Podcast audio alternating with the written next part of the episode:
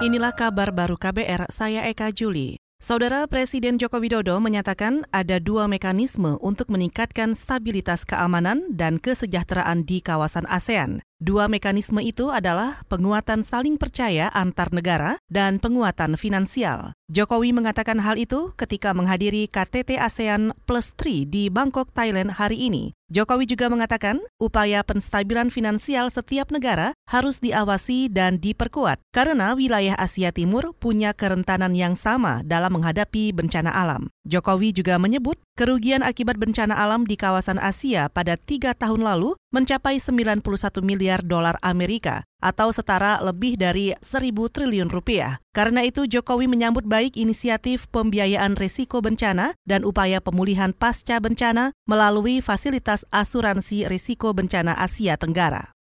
Saudara, hari ini sidang pra-peradilan yang diajukan bekas Menpora Imam Nahrawi digelar di Pengadilan Negeri Jakarta Selatan. Kasusnya terkait dengan dana hibah KONI dari Kementerian Pemuda dan Olahraga. Informasi selengkapnya kita sudah bersama jurnalis KBR Wahyu Setiawan. Wahyu silakan. Baik saudara, dalam pembacaan permohonan pra-peradilan, tim kuasa hukum bekas Menpora Imam Nahrawi menyebut KPK menyalahi prosedur dalam penetapan tersangka terkait dana hibah KONI. Ketua Tim Kuasa Hukum Imam Nahrawi, Saleh, beralasan KPK menetapkan tersangka tanpa memeriksa imam terlebih dahulu sebagai saksi atau calon tersangka.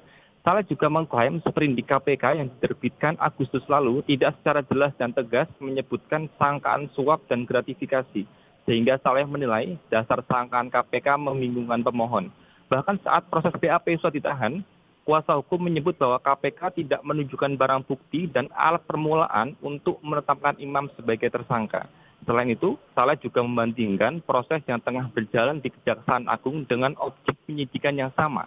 Menurut Saleh, Kejagung belum menetapkan tersangka karena masih dalam proses penyidikan. Pihak dari KPK akan memberikan jawaban atas sangkaan dari kuasa hukum Imam Narawi pada sidang berikutnya, yakni besok Selasa 5 November 2019. Demikian Wahyu Setiawan melaporkan langsung untuk KBR. Kita ke informasi selanjutnya. Indeks harga saham gabungan atau IHSG menuju ke zona merah pada penutupan sesi pertama perdagangan pasar hari ini. Begitu juga nilai tukar rupiah terhadap dolar Amerika yang mengalami koreksi. Selengkapnya kita dengarkan laporan jurnalis KBR Mutia Kusuma langsung dari lantai Bursa Efek Indonesia Jakarta. Saudara, indeks harga saham gabungan IHSG berbalik ke zona merah dan turun 0,14 persen atau 8,92 poin ke level 6.198,27 menjelang akhir sesi satu perdagangan hari ini. Penekan utamanya ialah merosotnya saham PT Maha Properti Indonesia dan PT HM Sampurna yang masing-masing turun 17,11 persen dan 1,43 persen.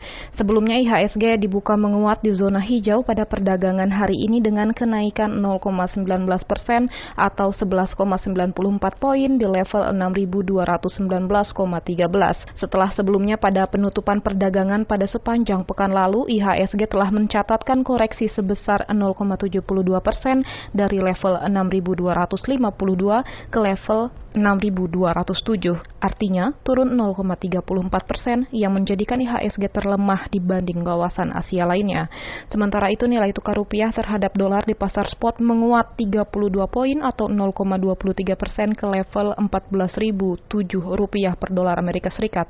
Saat indeks dolar Amerika Serikat terkoreksi 0,056 poin atau 0,06 persen ke posisi 97,183. Setelah sebelumnya dibuka menguat 0,26 persen atau 37 poin ke level 14.002 rupiah per dolar Amerika Serikat dari level penutupan perdagangan sebelumnya. Demikian dari Gedung Bursa Efek Indonesia, Mutia Kusuma untuk KBR. Kita ke Jawa Timur. Seorang bakal calon kepala desa Karangmojo, Kabupaten Magetan, melaporkan panitia pemilihan kepala desa ke kepolisian karena namanya dicoret ketika penetapan dan penentuan nomor urut. Ratna Indra Saputra menilai alasan panitia pemilihan kepala desa mencoret namanya karena ia pernah dipenjara selama tiga bulan akibat kasus perkelahian Menurutnya tidak masuk akal. Ratna Indra menyebut ia sudah lebih dari lima tahun keluar dari penjara. Ia juga mengklaim sudah mendapat surat keterangan catatan kepolisian. Saya tidak terima dengan hasil keputusan panitia. Karena saya sudah bersih dan sudah sudah lewat lima tahun masa hukuman, saya masih punya hak. Satu itu, kedua, saya masih warga negara yang boleh dipilih. Bakal calon kepala desa Karangmojo, Magetan, Jawa Timur, Ratna Indra Saputra juga mengaku sudah mengadukan pencoretan namanya ke kepolisian setempat. Ia juga siap membawa kasusnya ke Pengadilan Tata Usaha Negara atau PTUN. Saudara demikian kabar baru, saya Eka Juli.